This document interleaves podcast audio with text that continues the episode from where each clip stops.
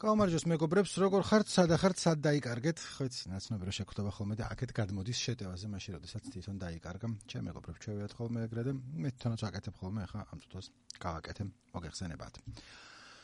აა დღეს ვილაპარაკებთ ცოტა უცნაურ რამეზე. წინასწარ გაფრთხილებთ, რომ თუ ჩვენი Facebook-ის გვერდზე შემოსულ ხართ, თვით რომ ლაპარაკობთ პოპკულტურა, ისტორია რაღაცები და ხანდახან გვაქვს ასეთი ქვეგანყოფილება ბოდვა. ეს ჩდება შუაში. ცხრიანში თუ რომელი არის ცენტრში ბოდვის კატეგორიაში. და რო გაფრთხილდეთ რა. დღევანდელი გადაცემა გვაქვს რაზე? სერია პოდკასტის, რო არ დამეძინა გუშინ რაღაცები წავიკითხე ინტერნეტში და მე მეთქი გაგიზიარებთ მეთქი. აა ეს დაიწყო იმით, რომ ორის ნახევარზე გამიჩნდა შეკითხვა, რომ მოიცა ვინ არის ასტამური. ხო იცით? მას რო ფული არ უნდა და თვითონ ფულია. ნტრულალაც არის, მაგრამ ასტამურიც არის და ვინ არის მეთქი? ასტამური და გავარკვიე სავით, გავარკვიე რა ძალიან ცნობილი ადამიანი იყო უმეტესობისთვის, მე არ ვიცოდი. ახლა გეტყვით რა გავარკვიე და როგორ. მე ნიკონ ერგაძე თქვენს მე ნიკოს პოდკასტს.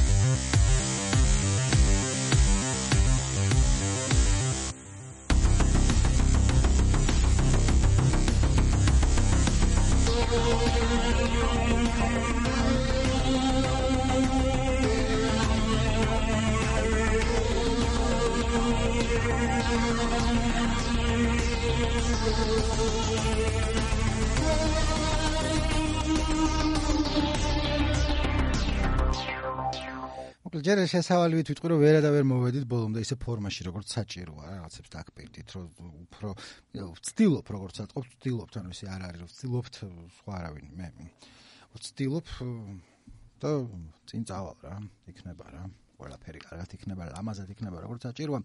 ეს ტონი მაქვს, იმიტომ რომ რაღაც ხანია, რაღაც ხანი არის, რომ გამერ ვარ დამეძინა და ამას კითხულობდი.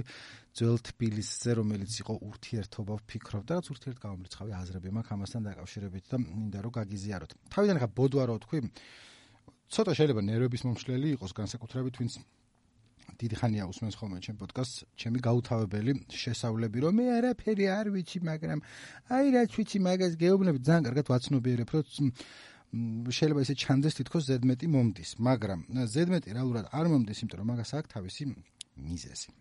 ახლა მეტყვით რა შესაქმე, რომ დიდი ნაწილი ასე დღეს ჩვენ ვილაპარაკებთ იქნება ასტამურ აჩპას ამბები, რომელიც ყველა წავიკითხე queryspalitra.ge-ზე, queryspalitra-ში იყო გამოქვეყნებული ორი სხვადასხვა სტატია და იმას მოგიყვებით რეალურად. ანუ არის ერთგვარი ისტორიული, ფსევდოისტორიული ოთხშაბათი. მაგრამ შესავლები არის იმასთან დაკავშირებით, რომ ამ ნერვები მეშლება ხოლმე სხვებზე რო იწებენ რაღაცა ისეთის მოყოლას, რაც მაინდა-მაინც კარგად არიციან. ოღონდ ეს ისეთი რამეა, რაც სხვებმა კარგად იციან და ის მოაქვთ ხოლმე თავი თითქოს ეხლა გაიგეს. ანუ მე ეხლა გავიგე. მაგრამ როგორც გეუბნებით, კვირის პალიტრა წერდა და ასტამურაჩბა ვიზეც არის სიმღერა, რომ ასტამურს ფული არ უნდა, ასტამურ თვითონ ფული ამოიღებს და დახარჯავს, თვითონაც არ აქონია. ეგრეა ხო? ხოლმე მეშლება, თუ მეშლება და იცით როგორც არის. ძალიან ცნობილი თბილისელი იყო თავის დროზე. ეხაც ცნობილია როგორც ამ სტატიიდანაც ჩანს და ქვევით კომენტარებიდან და ბევრმა იცის იმისი ამბავი. ასე რომ თქოს მოსაყოლადაც არ ეღირებოდა, მაგრამ მე ხო არ ვიცოდი ერთი.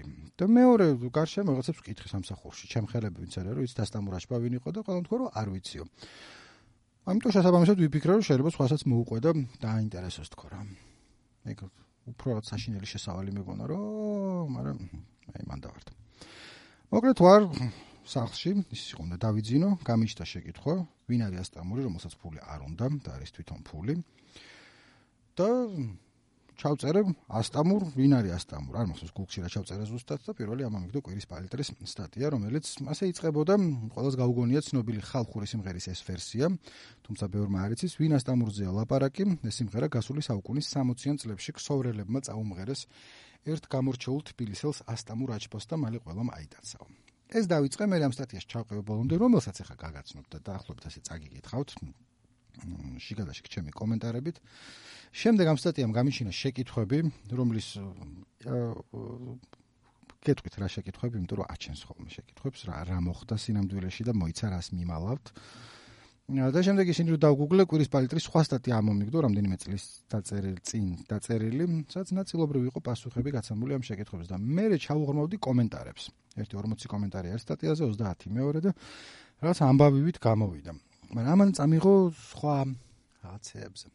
არ ვიცი თქვენ როგორ დამოკიდებულება გაქვთ აი ძველი თბილისის რომანტიკულ ნოსტალგიურ აღქმასთან დაკავშირებით, აი თბილისი იყო ურთიერთობა, 60-იან წლებში შავ-თეთრი ფოტოები, სადაც იმდროინდელი ქართველი ვაშკაცები ჩანან ხოლმე, აი ხო იცით რომ ყვებიან ხოლმე სატელევიზიო გადაცემებში, რომ აი მაშინ იყო ურთიერთობა, თუ იყო სიყვარული მაშინ იყო, თუ იყო ძმაკაცობა მაშინ იყო, ჩხუბიც მაშინ იყო, ჩხუბი როგორ არა მოქსულია ხოლმე, მაგრამ როგორ წესი ეს მუშტებით მთავრდებოდა და დანასიქვინ გამოიყენებდა, ამას გავიმეორებ ბორჯერ, იმიტომ რომ წერია აქ და ტყუილია ეგ, მაგრამ მაინც აქედან ვერკვევა ეგ.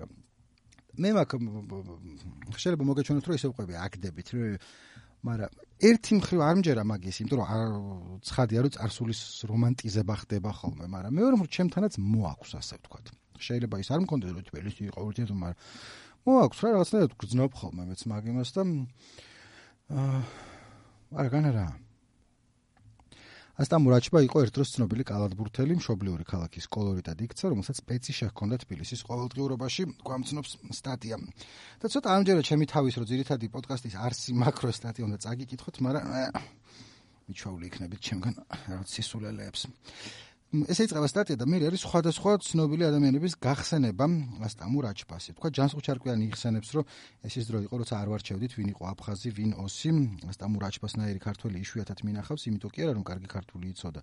ნახდი ქართველი იყო, მაგრამ შინაგანად აფხაზი გახლდათო მე კი არ ვეკამათები ხა ბატონ ჯანსუღს, მაგრამ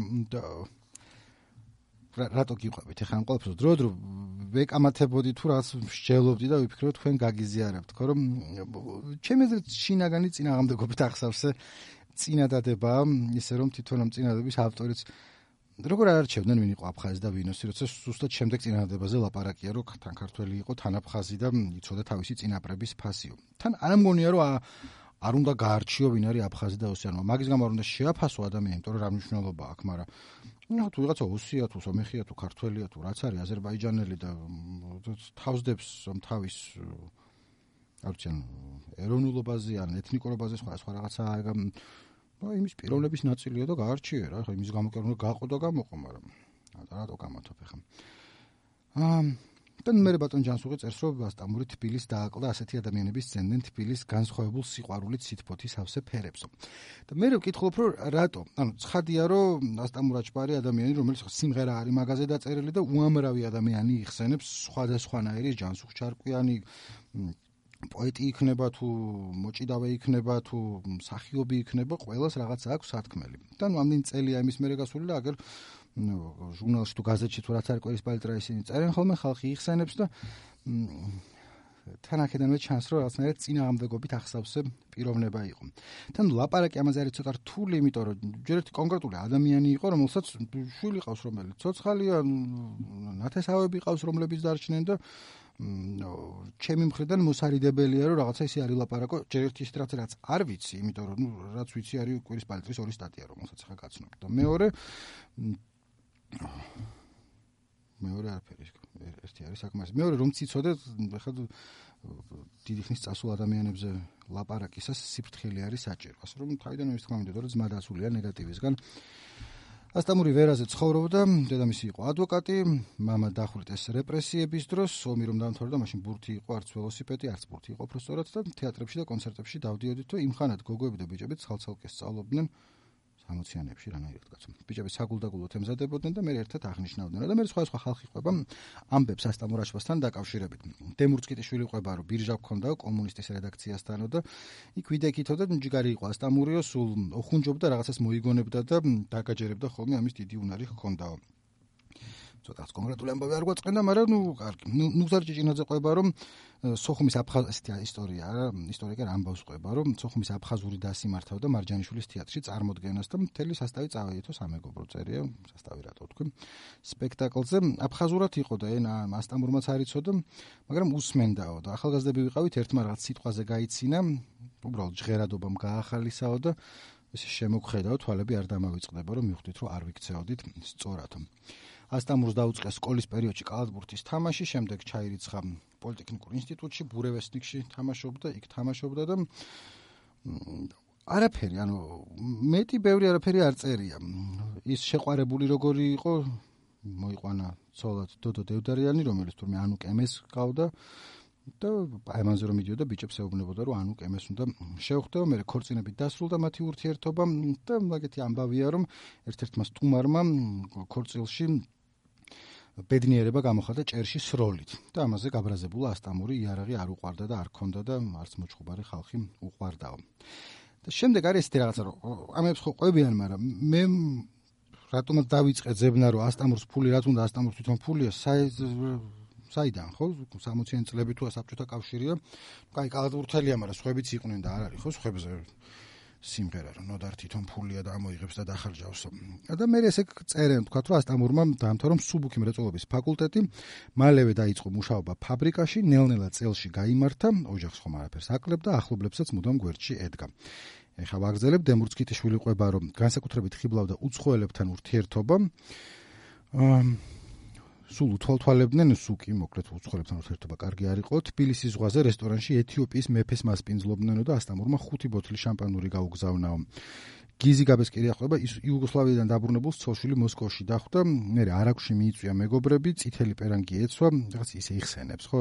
ახსოვს უბრალოდ რაც იყო და არაგვი პოპულარული იყო აქ დადიოდნენ ხელოვნების ცნობილი მოღვაწეები სპორტსმენები მეცნიერები და ერთმა ნაცნობმა მითხრა რომ ეს ციხელპარანგიანი ვინ არისო ყველა უცხოელ სტუმარს პატივისცაო თან ეუბნებოდაო რომ თქვენ საბჭოთა კავშირში ხართ მოსკოვში ეს არაგვია არაგვი კი საქართველოა ასე რომ ახლა თქვენი სტუმრები ხართო და სტუმრები გაოცებული იყვნენ და მე არ გამკვირვებიაო მაგრამ ამებს რო ყვებიან მე გამიკვირდა. ანუ ამავე დროს იყო რომ ეს სიმღერა რომელიც ტრულაილაზე იყო მაგრამ გადააკეთეს ასტამურზე მისი ცხოვრების სტილიდან გამომდინარეო წერი აქ.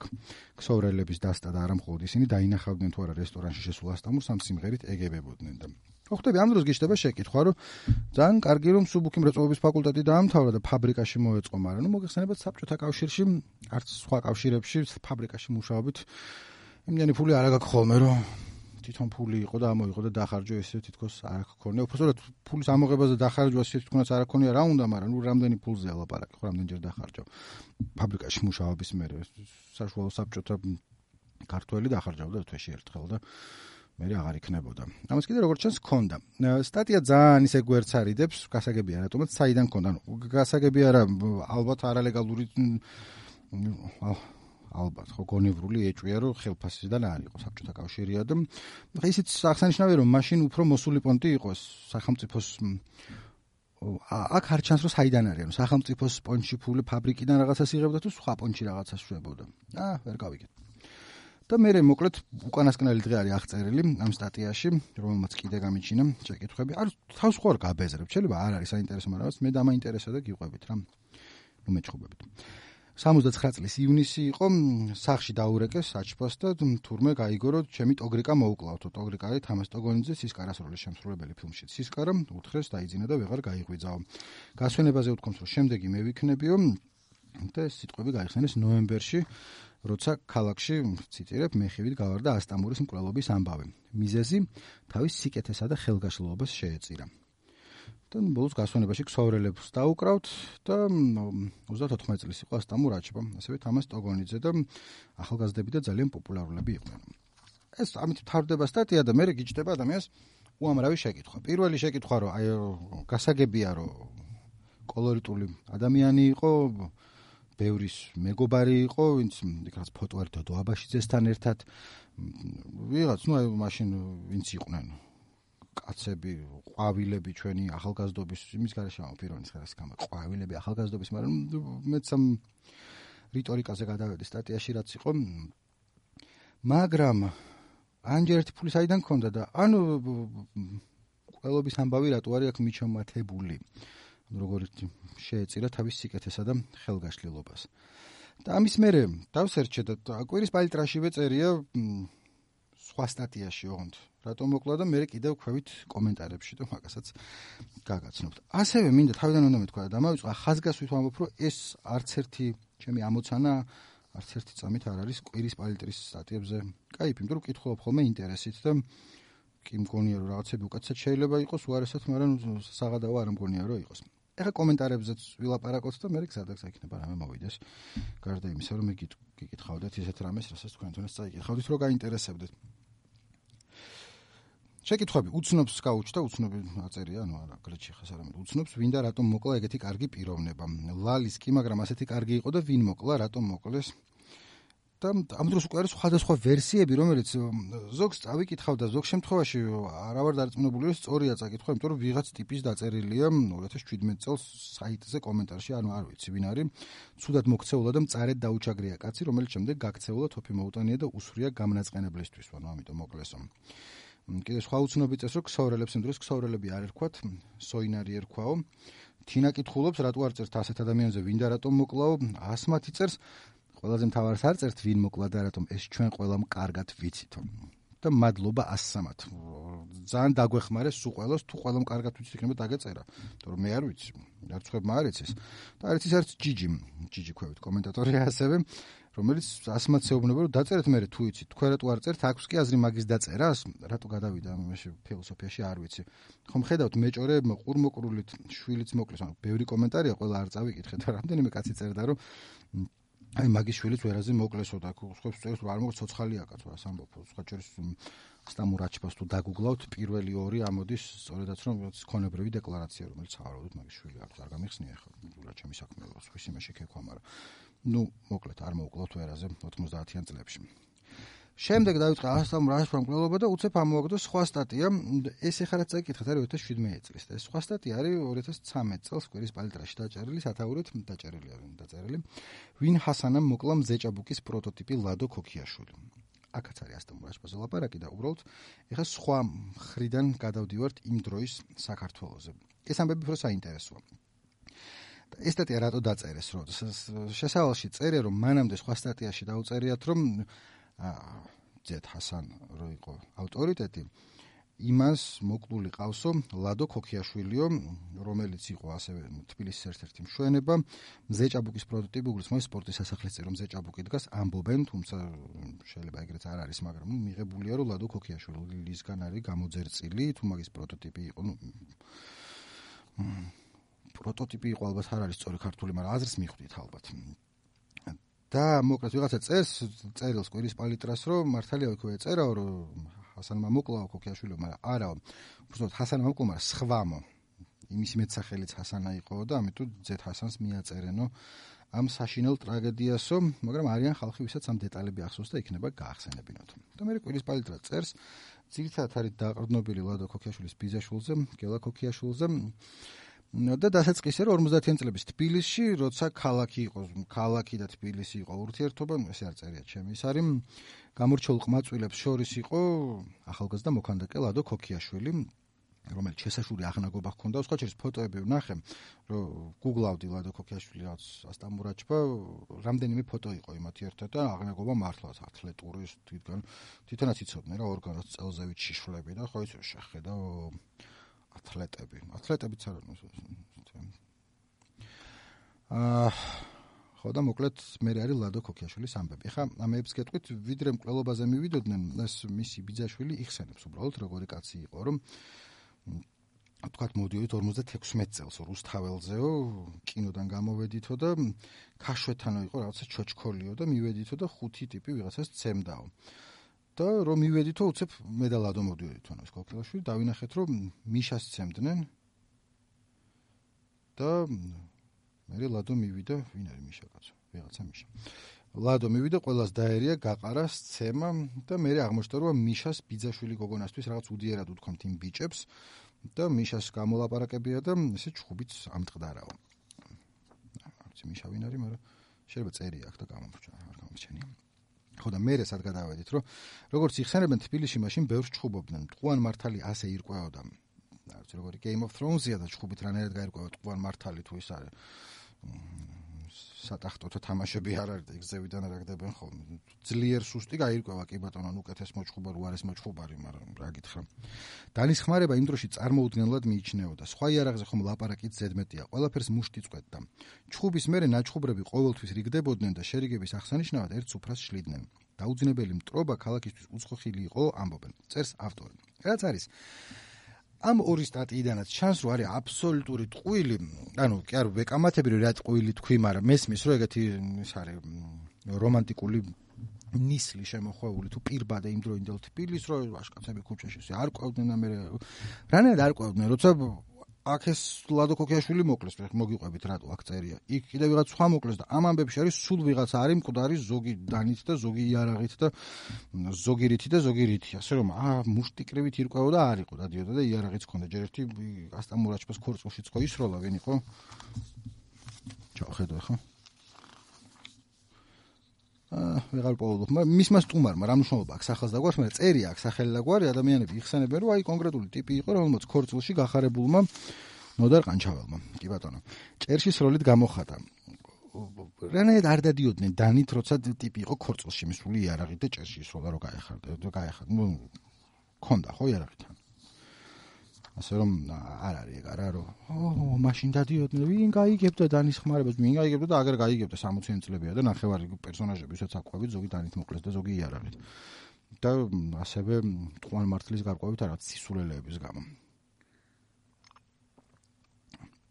თან აქვე არის ერთს გეუბნებიან დრო დრო მოუწრუპავ ხოლმე ხო ხო არ არის პრობლემა. ხო თუმცა ხრუპუნის დავლია მაგრამ სამსახურში ვარ. მარტო გვიან ამოვედი პოდკასტის ჩასაწერად რა დღეს ვე ვევრი ხოძე და მეთქი მე არა ჩემ ძმებს და დებს არ დავაკრებ მეთქი ჩემს შესაშურ სიტყვებს ხალხი ელის ერი ელის რა რაღაცას ვიტყვი და ამოვი დაჭიქი მაცივერში პატარა ღვინო და დავიდგი ანუ დავიდგი ეს პატარა ჭიქა მაქვს მაგრამ დრო დრო მოვსვამ ხოლმე არ მიწყინოთ ამ ლადოს ერთ-ერთ გამორჩეულ თვისებად ითვლებოდა ის თან მოუბრუნდები ხოლმე კითხოს რომ ადამიანის დაჩაგრას ვერ იტან და და მოკრივე იყო თან ის და ერთ-ერთ ამბავს ყვებიან ესეც, რომ საჭიდაოდ მივედიო ყვება გურამ საღარაძე, ოღონდ არა სახელი გურამ საღარაძე, არამედ მოჭიდავე სასიკადულო ქართველი სპორტსმენი, სოფლიო ჩემპიონი, ოლიმპიური ვიცე-ჩემპიონი, აქ ოლიმპიური ჩემპიონატ არის მოხსენებული, მაგრამ არა ვიცე-ჩემპიონი იყო ვერცხლია იყო. და ყვება რომ მივედიო კრივის დარბაზშიო დავინახე ლადო, მისი სპარინგ პარტნიორი იყო ზაურ კოზაევი, რომელიც საბჭოთა კავშირის პრიზიორი, საქართველოს მრავალგზის ჩემპიონი, როგორც აქ წერია, მე არ ვიცი. და შუა ვარჯიშის დროს ვიღაცა შემოვარდა სხვა და თქვა რომ ლადო ნოკდაუნშიაო შევარდნე და დაინახეს რომ ლადო იყო რინგის კუთხეში ჩაკუზული და ასეთ მდგომარეობაში ლადო ჯერ ქალაქს არ ენახა. უცნობი განცდა დამეუფლა, არ ვიცი ცნობის მოყარეობით იყო გამოწვეული თუ კიდე სხვა რამეთო. რაღაცას ყובה ბოლომდე და გაუგებარია ეს წიგნებში რო არის ხოლმე ხო ეს დეტექტივებში რო არის რაღაც აა წინასწარ რაღაც განწყობა არის რაღაცა მოხდება და მე ვერ გაიგებ რომ ის მოხდა თუ არ მოხდა თუ რა იყო. თვითონ ეს ამბების მოყოლაც არის აი რაღაცნაირად სხვანაირად ხელგაშლილი ეს თბილისი იყო ურთიერთობის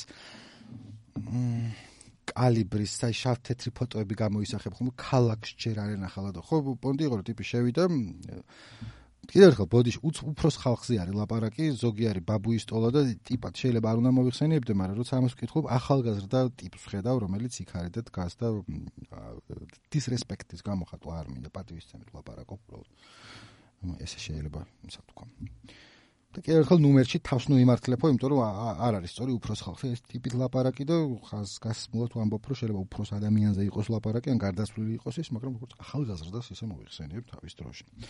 მაგრამ პონტი არის რა, რომ აი თქვა ოთახში ეხდება მოქმედება, მაგრამ აი ქალაქმა ნახა, რაც სხვანაირი ის არის რა ფუნჯის ფართო მოსმით დახატული და ამბივალენტური გზნობები მიჩნდება ხოლმე ამასთან დაკავშირებით. ერთ მხრივ მომწონს ეგ და მეორე მხრივ ძალიან კარგად ვაცნობიერებ რომ ის სრულიად მითი და მე რასაც ყვება არის პრინციპში არამოსაწონის აქციელი. აი ნახეთ, უცებ ლადონელალა წამოიმართა მხრებში გაშალა და ვნახეთ საოცრება, განსაცვიფრად ლამაზი და პროპორციული ტანი, განსაკუთრებით ტორსი, ასეთი აღნაგობა ყველაზე ცნობილ თანამედროვე კულტურისას შეშურდებოდა, თლიანად გაიშალა თვალები მრისხანად მოვალო იქაურობას, უწინარესად თავის სპარინგ პარტნიორს მოკლედ რა მომხდარა რომ ეს ცდილობდა რომ დარყმო ზომიერი ყოფილიყო მაგრამ ხელი გაეპარა და მზის წნულში მოხვდა მისი მუშტი. ის სპარინგ პარტნიორს რიდით ელოდებოდა ადოს მომერიდან გამოსვლას ბოდიშიც მოუხადა მაგრამ ლადომ ბოდიში არ მიიღო და მკაცრად უთხრა გარეთ გამო ვილაპარაკოთო უნდა გენახათ რა დაემართა იმ წუთში კოზაევს ამხელა კაცი უცებ დაპატარავდა. ლადოს დაუწყეს ხვეწნა აპატიო მამხოლოდ რამდენიმე სიტყვა თქვა ასე არ უნდა გავემეტებინეო და დარბაზიდან გავიდა აპატია ჩვენ ცირკამდე ფეხით ვიარეთ. ლადოს სახეზე სევდა არ მოშორებია. წაგებას და დამარცხებას არ იყო მიჩვეულიო ანუ ყובה ისე თითქოს კარგ ამბავს მაგრამ ამ ამბიდან ხა რაღაც კარგი ამბავი არ არის. ჯერ ერთი ტიპს მოუხვდა ხელი სპარინგის დროს ძალით ხო არ უქნია ანუ მოსულა რა. მეორე მხრივ რატო იყო რომ ეს პრიზიორი და სუპერბოქსიორი ბლადოსი ეშინოდა? აა ხო იცი გიჩდება შეკითხები რომ ლადოზეც და მასტამურზეც რომ იყვნენ უბრალოდ რაღაც მოკეიფე ტიპები თუ ახოდუ რაღაც ცოტა საშიში ხალხი იყო იმიტომ რომ აქ ისი არის მოყოლილი ამბავი რომ ცოტა საშიში კაცი იყო. ანუ უბრალოდ კი არისო რომ ეწინა რომ როგორ ამ ძმას რომელიც დაცულია ნეგატივისგან როგორ ვატკინიან ზოდმეტი რატომ მომივიდა. ცოტა ისე ჩანს რა რომ აუ შეეშინდა რომ რაღაცას დამიშავებს იმიტომ რომ ხელი მომიხვდა სპარინგის დროს და აი გარი ჩემი ამბივალენტობის გამომწვევი რომ ერთი მხრივ არის ეს რაღაც ღმერთკაცები რომლისგანაც შემდეგ ხანდაკება გამოწერწეს დადიან ქალაქში ყველა იცნობდა იგავს გურამ ჩეულიშვილი დოდო აბაშიძე ვინც ვინმე იყო საერთოდ ერთმანეთთან მიდიმოდიოდნენ და სულ სხვანაირად ხელ გაყრილები რუსთაველზე და და შეირნობდნენ ხედავ მაგ ყველაფერს და მე ჩანს რაღაცა მაგის მეორე მხარე აა თან ამებს რო ყვებიან ხო არის რაღაც გარკვეული ოჯახის შვილი ტიპებზე არის ლაბარაკი რა ის ხვანაირად რო დღეს მაგას ქვია პრივილეგირებული არ მაშინაც პრივილეგირებული არ ქვია მაგრამ დღეს ხვანაირად ეს სოციალურად პრივილეგირებული გაგება რომ რაღაც რო ლადოს რატო ეწყინა და ნუ მოხვდა ხელი ლადო მოკლეს 1957 წლის მაისში, როცა იყო ის 21 წლის. აზე ხარ, ანუ მანამდე რომ შეეშინდა რაღაც ჩემპიონს 20 წლის იყო თუ არ ვიცი, მანამდე იყო რა. ეხლა რა მოხდა? ლადოს მეგობარი ყავდა, ამას ვკითხულობ, ასტამურ აჩბა. დაბრუნდით ასტამურთან, ცნობილი კალათბურთელი, მოხდენილი ჩაცმა უყარდა. მას ლადოს და კიდევ რამდენიმე მეგობარს ერთი მკერავი ყავდათ, მაშინ დასაც მოსწირითად მკერავთან იკერავდნენ, თაცმინდელი იყო გრიბოედოვის ქუჩაზე ცხოვრობდა. ერთ დღეს ასტამურმა მკერავთან პიჯაკის შესაკერად ქსოვილის ნაჭერი მიიტანა. რამდენიმე დღის შემდეგ გაირკვა, რომ ის ნაჭერი დაიკარგა. კაცი, რომელმაც ის ნაჭერი აიღო, ვინმე კარლო ასამბაძე აღმოჩნდა მეტსახელად ჰასანა. ასტამურმა წაღებულის დაბრუნება მოსთხოვა, რაზეც უარი მიიღო. მე მოკლედ ასტამურმა მიაკითხა ლადოს კინოში და გამომყევიო. რა თქმა უნდა, ლადო დიდხანს არ უფიქრია და მეგობრებს გაყვა და მე ოქროს უბანში შეხვდნენ ესენი ამ ჰასანას. და ნაჭერი დააბრუნები ჭაუთხრეს და უარი მიიღეს. კარლო მიცნო ლადო და თქვა რომ ხელს თუ დამარტყამო დანას გაგიყრიო ლადო სერიოზულად არ მიუღია ნათქვამი ფრჩხილებში რადგან როგორც მოგახსენეთ დანის გამოყენება მაშინ წარმოუდგენელი რამ იყო. კიდევ ერთხელ არ მჯერა მაგისი. შენზე ხელს როგორ გავისრიო უთქვამს ჰასანასთვის და ხელი აუქნევია მოკლედ კარლოს მაჯაში დანა ჰქონია დამალული და ლადოს გაუყარა. დაჭრილი ლადო საავადმყოფოში გურამს ჩეულიშულმა მიიყვანა სადაც ის გარდაიცვალა კიდეც. ლადო ქოქიაშვილის მკვლობა მთელი საქართველოს შეძრა თბილისელები იხსენებდნენ დაკრძალვის დღეს. კოლორიტი ხალხმა ხელით ატარა ვაკის სასაფლაომდე მის კუბოს თავდახრილნი მიყვებოდნენ. რომ 21 წლის იყო როგორ ის იყო კარულ ასამბაძე დააკავეს. ვაგზელებ ახლა. აღშფოთებული საზოგადოება მის სამაგალითოდ დასჯას ითხოვდა ინტელიგენცია მაშინდელ ხელისუფლებას საგანგებო წერილითაც მიმართა რომელსაც galaktionიც აწერდა ხელს. და მოკლედ არ დახვრიტეს, თუმცა მამამისმა ფრჩხილებში ბათუმის ერთ-ერთი რესტორნის დირექტორმა ცოტა ეს არის რომ დახვრიტეს მუხლი 25 წლიანი პატიმრობით შეეცვალა თო მე გამოუშვეს მოკლედ და ნანობდა თავის ჩადენილსო, თუმცა არასწორი იყო. ეხლა მივედით ასტამურთან, რომელიც აქ სტატიის ბოლოში წერია, უბრალოდ გელაკოქიაშვილი ყვება, რომ რესტორან თბილისში სასტუმრო თბილისის რესტორანი თურმე გაეხუმრა ერთ ახალგაზრდას რომელმაც ხუმრობა შეურაცხყოფად მიიღო და აჩბა იქვე მოკლაო. და ასე. Ну ამით არ მთავრდება იმიტომ რომ აქაც მიჩნდება შეკითხვა რომ რა გაეხუმრა ერთ ახალგაზრდას ვინ ახალგაზრდას რა გაეხუმრა ხუმრობა შეურაცხყოფად რატომ მიიღო და აჩბა იქვე რატომ მოკლა როცა იქვე ჩანს რომ ეს აჩბა არ იყო ის ტიპი რომლითაც არ უნდა შეგშინებოდა, იმიტომ რომ ფული ქონდა, ამოიღებდა და დახარჯავდა ისე როგორც არ აქონია და ფულის აიდანღაც ქონდა და აკვეთ ადიოდა რაც ჯერის მთელი ამბავი რომ გასაგებია რომ ძველი თბილისი, მაგრამ ნაჭრის გამო რაღაცა იქ შეხვდნენ ამან წამოიღო ნაჭერი. ეგეც ვერ გავიგე ვერაფერი რა. ეხა კომენტარებზე გადავალ. იზი წერ სტატია აშკარა წინააღმდეგობაშია დანას ანხმარობდნენ მხოლოდ მუშტიო. ამ დროს ორი მეგობარი მოკლეს დანით. დანა აპრობირებული ნივთი რომ არ ყოფილიყო, ჰასანი ერთადერთი იყო დანიანი, კარგით რა. მადლობა იზი.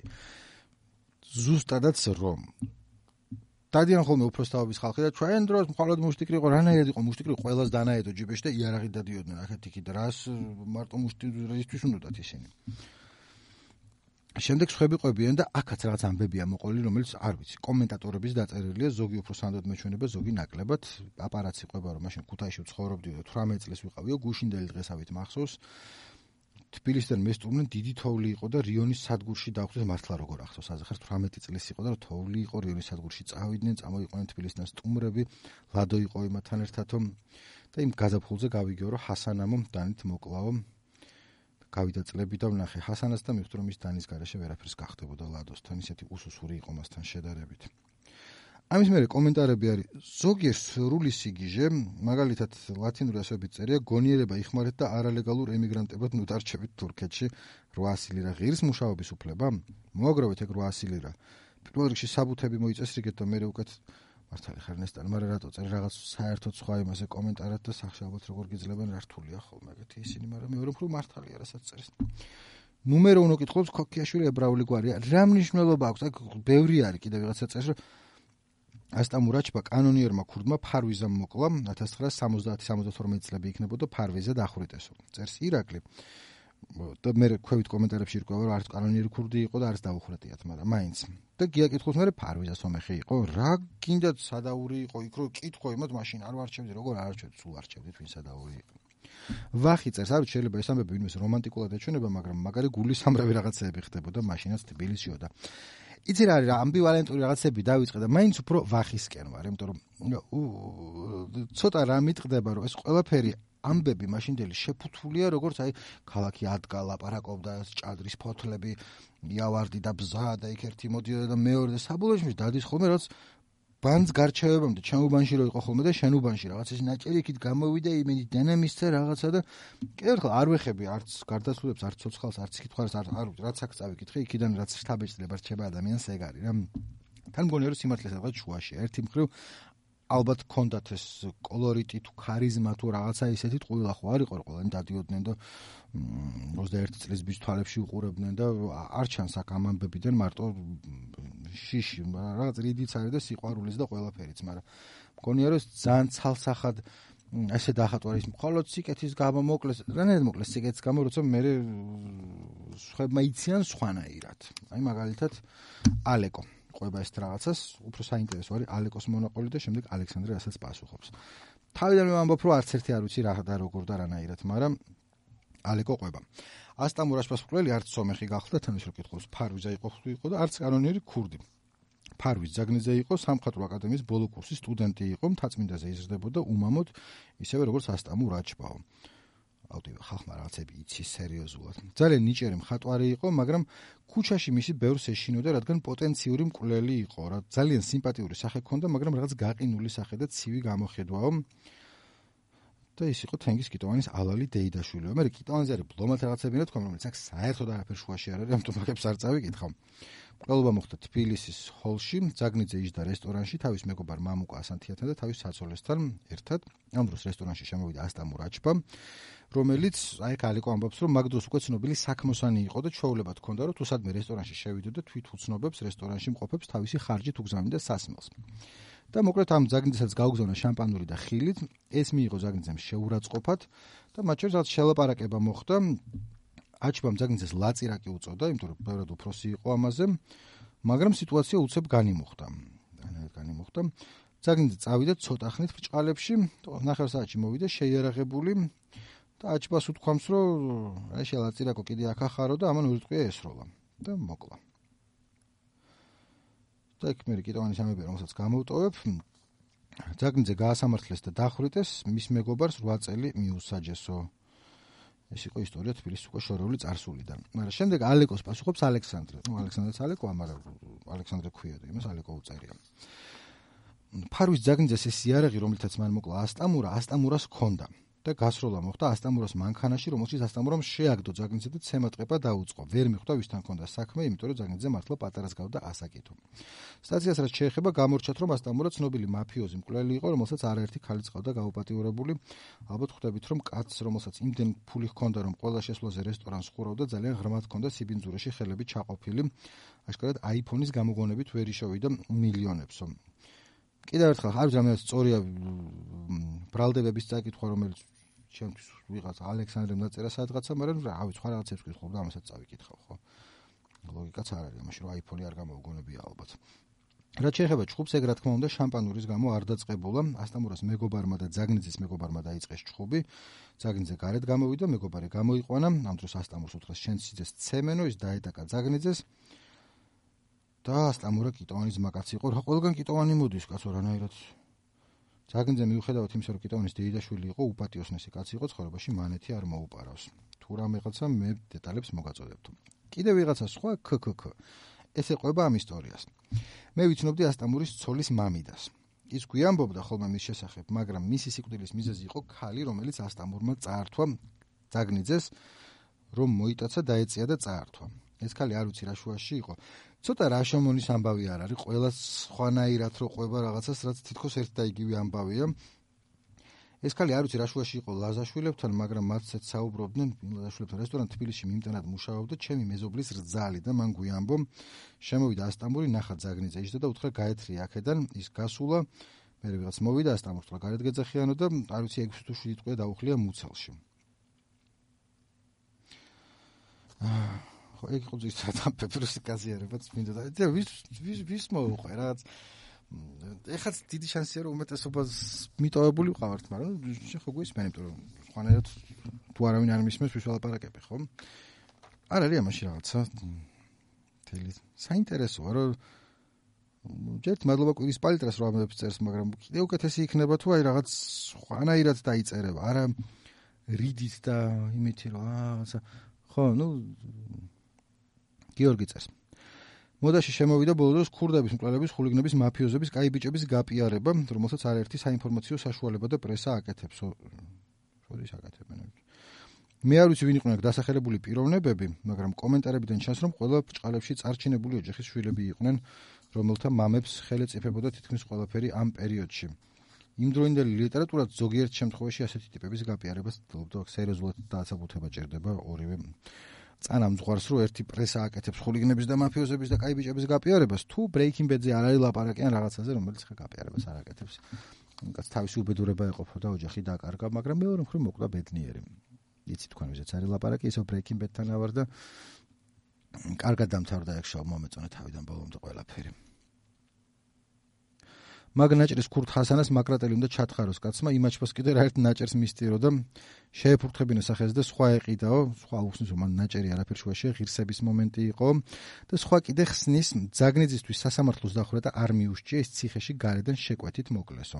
ო მთელი ამბებია მანდანო არ იყო მარტო საქმოსნობაზე.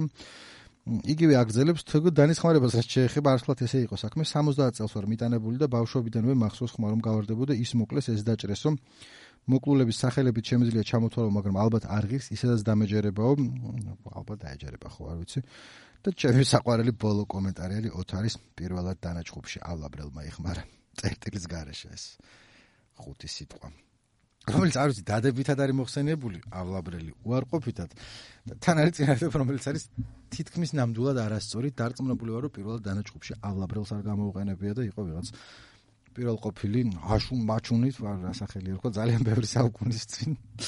როცა დანა გამოიყენა ჩხუბში და თუ რაც 40 ცენტრ როდიდან გვაქვს ათვლა რომ დანას რო იყენებდნენ ჩხუბში ალაბარი არ არსებობდა და აი მაგის თქმა მინდოდა. არ ვიცი რა გავედი ბოლოში და მადლობა ყველას ვინც გამიძელით და დარჩით.